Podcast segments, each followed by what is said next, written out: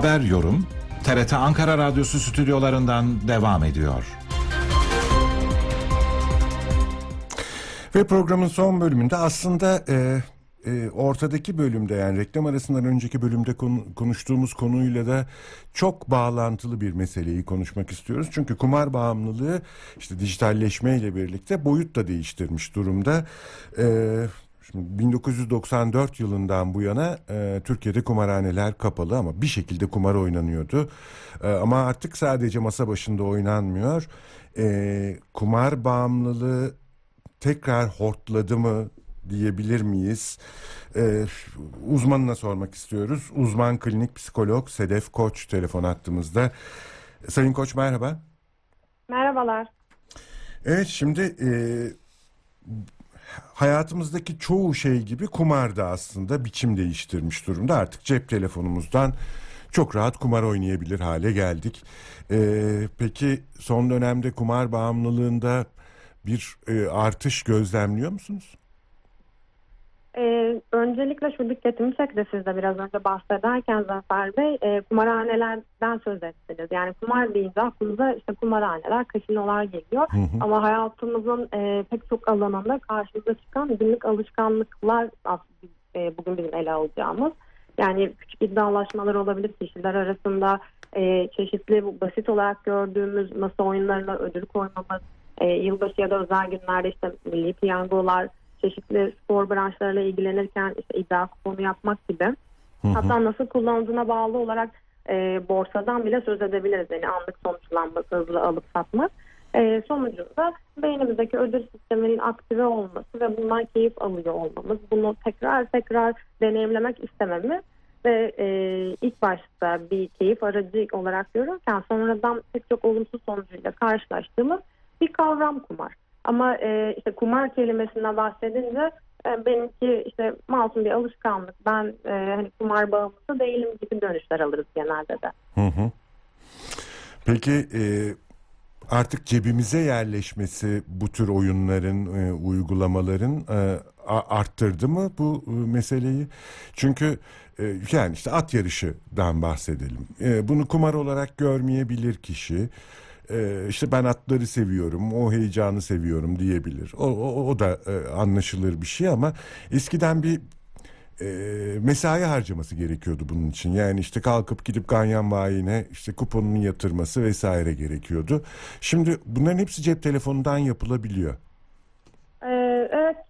Kesinlikle önceden vakit ayırmak gerekiyordu e, fakat teknolojinin işte hep iyi tarafını kullanalım diyoruz ya e, bu tarafıyla değerlendirdiğimizde de aslında tehlike cebimizde taşıyoruz diyebiliriz. E, fakat işte e, gün içerisinde ara sıra bakma göz atma gibi davranışlar da e, uzun vadede bir son, e, soruna ulaştığında bu konu aslında yine bir mesai ayırıyoruz. Belki diğerinden daha çok e, vakit ayırıyor. Çünkü onda örnek veriyorum çalışıyorsak ya da evle ilgili işlerimiz varsa mutlaka çıkıp işte at yarışı için de olabilir, diğer şans oyunları için de işte kupon yatırmak gerekiyor ya da iddia bahine gitmek gerekiyor. Ama sürekli elimizin altında bulunduğunda aslında bu davranış daha sık e, gerçekleşiyor.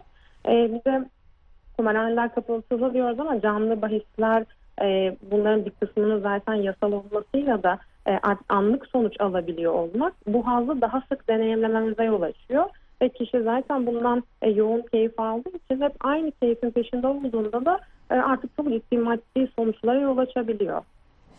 Peki e, kişi kendinde hangi belirtileri e, gördüğünde ya acaba ben kumar bağımlısı mıyım diye düşünmeye başlamalı?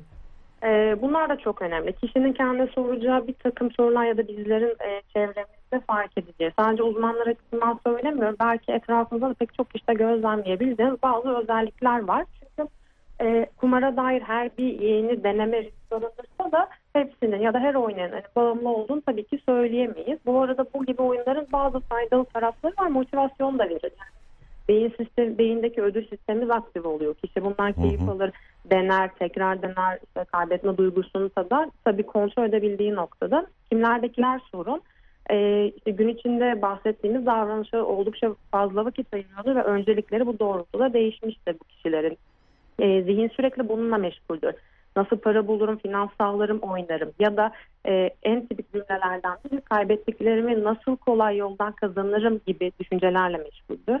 E, giderek bütçe buna ayırdığı bütçe genişliyordur. Önceden e, ben sadece 5 lira 10 lira oynuyorumla başlayan e, çok daha fazla rakamlara ulaşan e, bir durumdan bahsediyorum ve e, kısa süre içinde aslında bu baştaki küçük rakamlar, küçük olarak gördüğü rakamlar tatmin etmemeye başlar. Daha büyük heyecanlar için daha fazla risk alır kişi. Dolayısıyla kayıplar da artar. E, yine en önemli noktalardan biri hani ben bağımlı değilim bunu bir etiketlenme olarak gören kişiler e, ben istersem durdurabilirim keyif için oynuyorum ifadelerini çok sık görürüz e, oynamayacağını söyler istediğinde. Fakat e, gerçekten durdurmayı denediğinde de e, bir zorluk yaşamaktadır. Ya da kendini ikna etmeye çalışır. Hani bu sefer son bu kupon kesin tutar. Bunun için ben biraz araştırdım kesin kazanacağım gibi kendini ya da etrafını ikna etme çabasına girer. E, bir başka özellik bizim yoksunluk dediğimiz yani oynamadığında bu davranıştan uzak kaldığında ortaya çıkan bir takım psikolojik belirtiler vardır öfkelidir, aklı sürekli oradadır, e, huzursuzdur, dikkatini başka bir şeye odaklayamaz, e, keyif alamaz bulunduğu ortamdan ya da durumdan. Yani mutsuz, gergin bireyler görürüz etrafımızda.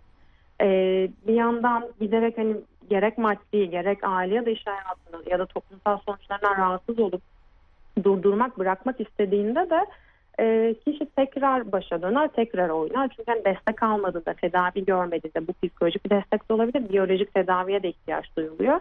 E, yani uygun planlama yapılmadığında başa döner. Biz bunlara başarısız bırakma girişimleri deriz. E, ya da uygunsuz borçlar alıyorsa kişi borcu borçla kapatmaya çalışıyorsa, yalan söyleme, gizleme gibi davranışlar sıklaşıyorsa e, bu belirtilerin birkaçı olduğunda evet artık kumar bir problem haline gelmiştir diyebiliriz. Ne kadar çoğu görünüyorsa ya da şiddeti ne kadar arttıysa da e, ona göre değerlendirmek gerekiyor tabii. Yani o bir, bir takım fizyolojik tepkilerin yani madde bağımlılığından da hiçbir farkı yokmuş Ee, anlattıklarınıza kesinlikle. göre. E, davranışsal bağımlılıklar olarak değerlendiriyoruz. Yani alışveriş de bunlardan biridir. Oyun ve teknoloji işte en sık karşımıza çıkanlar ve kumar aynı şekilde. Yani beyindeki ödül sistemi aynı şekilde çalışıyor ve bunlardan madde de olsa, alkol de olsa sadece nesne değişiyor diyebiliriz aslında. Çünkü e, beyin kısa yoldan ya da e, çok yoğun hazlara ulaşmak istiyor. Bunun için de sağlıksız bir takım davranışları gerçekleştiriyor. Sistem aynı şekilde çalışıyor ve aynı şekilde hasar alıyor aslında. Evet yani siz de görmüşsünüzdür belki geçtiğimiz günlerde hafta sonundaydı galiba. Şimdi zaten hani kıraathaneler vesaireler kapalı, kapalı malum. Ee, ama hafta sonu sokağa çıkma kısıtlaması sırasında bir kıraathane açılıyor ve içeride e, kumar oynayanlar ihbar üzerine yakalanıyorlar. Bu, bu aşama herhalde yani o okey oynamazsa ölür aşaması e, olsa gerek bu. Bu aşama artık e, biyolojik tedavi de gerektiren bir aşama Ee, herhalde değil mi? kesinlikle çünkü e, yine bağımlılığın evet, pek çok so- e, sonuçları vardır ama özellikle bu bilişsel fonksiyonlar yani beyin işleyişindeki bozulmaların yansıdığı durumlardan biri muhakemenin bozulmasıdır. E, ne oluyor muhakeme bozulunca? Olumsuz sonucuna rağmen kişi o davranışı gerçekleştirmek istiyor. E, neden sonuç ilişkisini sağlıklı şekilde kuramıyor. Bahsettiğiniz örnekte de ne yazık ki işte para cezası olsa da yasal yaptırımları olsa da aslında daha önemlisi bu yasağın amacını unutup hani hastalığı bulaştırma riskine rağmen kişi bu davranıştan vazgeçemiyor. Tam da aslında bizim bahsettiğimiz bu belirtilere özelliklere uyan bir şeyden konuşuyoruz şu an. Hmm. Peki e, tedavide ne gibi yöntemler kullanılıyor? Yani ter- gerek terapide e, gerekse biyolojik tedavide. Ee, bu arada ikisini birlikte götürmek de e, çok Mümkün. çok önemli. Evet. Evet. Şöyle e, genelde alkol ya da madde bağımlılığı kadar klinikte ben e, NP İstanbul Beyin Hastanesi'nde yataklı serviste çalışıyorum.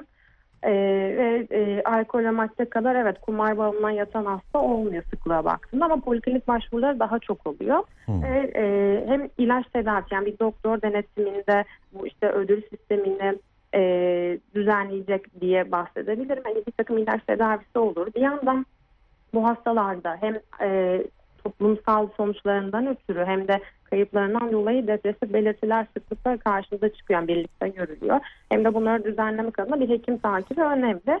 E, diğer yandan da psikoterapiyle birlikte mesela dedik ya yoğun bir haz arayışı var kişinin. Acaba elindeki mevcut kaynaklardan hayatından bir huzursuzluğu mu var? Bunu doğru yollardan sağlayamıyor mu? Yani aslında bu kumar davranışının yani bağımlılığın altında neler yatıyor? Bunlara bakmak gerek ki sorunu kökten halledelim. E, tabii ki bu uzun bir süreç. Yani e, ek, e, sorunlar neler, ne kadar toparlayabiliriz, nasıl bir planlama yapmak lazım. Çünkü e, tekrar aynı durumun yaşanmaması için de riskleri de belirlemek ve hayatını bunlardan uzak şekilde planlamak gerekiyor. Yani Diğer bir, yandan. bir, bir, bir böyle hap tedavisi yok elbette yani haptan kastım ilaç değil. Ee, tek- Aldım tek- kurtuldum. Ha, tek Yok, bir evet, ka- bir e, çözdüm yok. tek bir kalıp tedavisi yok yani altta yatan nedenlere göre kişiden kişiye e, değişebilecek bir tedavi yöntemi izliyorsunuz Ee, anladığım kişiden kadarıyla. kişiye değişiyor hem de e, sosyal destek bu hastalıklarda önemli. Yani aile ne kadar bu süreçte kendisine eşlik edebiliyor. Yani çalışılacak pek çok alan var. O yüzden bir seferlik bir tedavi değil, e, uzun süreli takip gerektiriyor. Çünkü bağımlılık tamamen iyileşebilen bir hastalık değil. Düzelebilen bir hastalık ve dikkat edilmediğinde tekrarlayıcı özelliğe de sahiptir. Peki bu tür oyunların e, işte bayilerden oynandığı zaman 18 yaş altına e, yasak olduğunu biliyoruz ama e, başta da söyledik ya artık cebimize girmiş durumda cep telefonlarımızdan e, yapabiliyoruz bunları. E, bu da 18 yaş altını e, özellikle ergenleri de tehdit eden bir durum gibi görünüyor. E, ergenler örneğin daha mı açıktır böyle bir bağımlılığa? Daha mı yatkındır? Yaş grubu olarak aslında riskli bir grup ama kişilik özellikleriyle birlikte değerlendirmek lazım ve ailenin hani bu çocuk diyelim hani yaş grubu olarak hani ne kadar ilgilendiği ne kadar takip ettiği de önemli.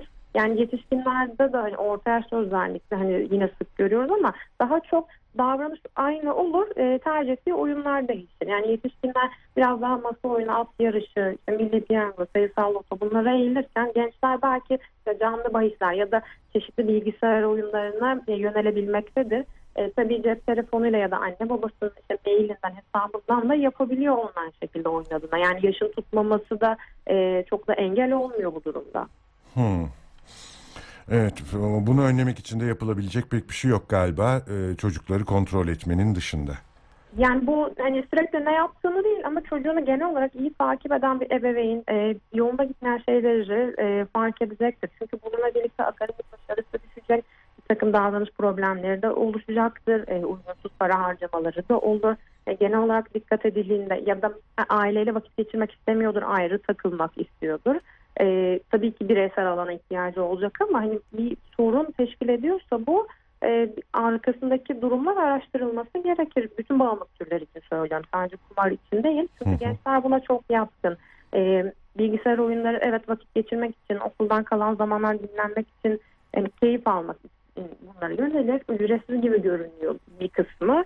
Ama e, mesela bir gruba ait olmak için e, bir takım oyunlarda işte özellik satın almaya çalışır ya da arkadaşların bütün bütün arkadaşların bahsettiği oyunlardan mahrum kalmak istemez çünkü sohbete katılmak isteyecektir. Yani pek çok aslında risk var ve hayatımızın oldukça içinde. E, ama dediğim gibi takip ederek, ilgilenerek ve ailece vakit geçirmeye çalışarak e, bunlar biraz daha önüne geçirebilir durumlar. Sedef Koç çok teşekkür ediyorum katkılarınız için. Ben teşekkür ediyorum hani böyle önemli bir konuda yer verdiğiniz için. E, iyi yayınlar diliyorum. Sağ olunuz. Evet kapatmadan önce e, hemen e, son koronavirüs verilerini hatırlayalım. E, çünkü bağlantılı olarak bir de haber aktarmak istiyorum sizlere kapatmadan önce. Dün e, akşam saatlerinde yine her gün olduğu gibi Sağlık Bakanı tarafından açıklandı. E, Türkiye'nin Covid-19 tablosu. Dün yapılan test sayısı 206.190. E, 32.102 yeni vakamız var. Bir türlü 30 binin altına düşemiyoruz. Hasta sayısı 5105 ve ne yazık ki 235 insanımızı da kaybettik. Dünkü verilere göre. Bu arada e, ne zamandır e, uzmanların uyardığı bir mesele var. Artık sağlık sistemi de alarm veriyor. Yatak doluluk oranı Sağlık Bakanlığı'nın açıkladığı verilere göre %55,8. Erişkin yoğun bakım doluluk oranı %73,7'ye ulaşmış durumda. Ventilatör doluluk oranı da yüzde 41,5 e, olarak açıklandı. E, Sağlık Bakanlığı'nın verilerine göre. Şimdi buna ilişkin bir de haber aktarmak istiyorum demiştim. Covid-19 takip merkezleri e, açılacak. Bu e, aslında e, virüsle mücadelede yeni bir e, aşama e, olarak kabul edilebilir. Sağlık Bakanlığı koronavirüs geçiren hastaların sağlık durumlarının kontrol ve takibi için COVID-19 takip merkezleri açmaya başladı. E, buna göre e, COVID-19 geçirmiş hastalar varsa hastalığa bağlı komplikasyonları en az 2 yıl boyunca takip edilecek ve olası sağlık sorunlarına da erken müdahale edilecek bu takip merkezleri sayesinde e, e, merkezler tamamen gönüllülük esasına göre davet usulüyle çalışacak. Covid-19 geçirmiş vatandaşlar aranarak merkeze davet ediliyor ve randevu oluşturuluyor. Kişinin sağlık durumu değerlendiriliyor sonraki aşamada. Gerek duyulması halinde de ilgili uzmanlık alanlarına yönlendirilmeleri yapılıyor. Böylelikle Covid-19'un uzun dönemli etkileri çünkü e, salgının başından beri de söylenen e, buydu zaten. E, biz e, tanımıyoruz bu hastalığı. Yabancıyız. E, dolayısıyla evet kısa dönemli etkileri e, akut e, hastalık sırasında e, artık biliniyor. E, bir takım belirtiler artık biliniyor ama uzun dönemli etkileri ve tedavinin uzun dönemli e, etkisi ne bunu e, dünyada kimse bilmiyor şu anda. İşte bu uzun dönemli etkileri yakından takip ederek olası sağlık sorunlarının önüne e, geçmek amaçlanıyor bununla birlikte. E, iki e, ayrı merkez açıldı. Devamı da gelecek. Ankara Yıldırım Beyazıt Üniversitesi Dış Kapı Eğitim ve Araştırma Hastanesi'nde 1 Aralık'tan itibaren başladı hasta kabulü. Eskişehir Şehir Hastanesi'nde de 8 Aralık itibariyle hasta kabulüne başlandı. Bunu da bir not olarak düşmüş olalım ve kapatalım. Programı sizler için Melek Baysal hazırladı. Teknik yapımda Semih Ballı vardı. Mikrofonda ben Zafer Elkin. Yarın saatler 12'yi gösterdiğinde yine gün ortasında gündemin nabzını tutmak üzere biz burada olacağız. Sizi de bekliyoruz efendim. Hoşçakalın.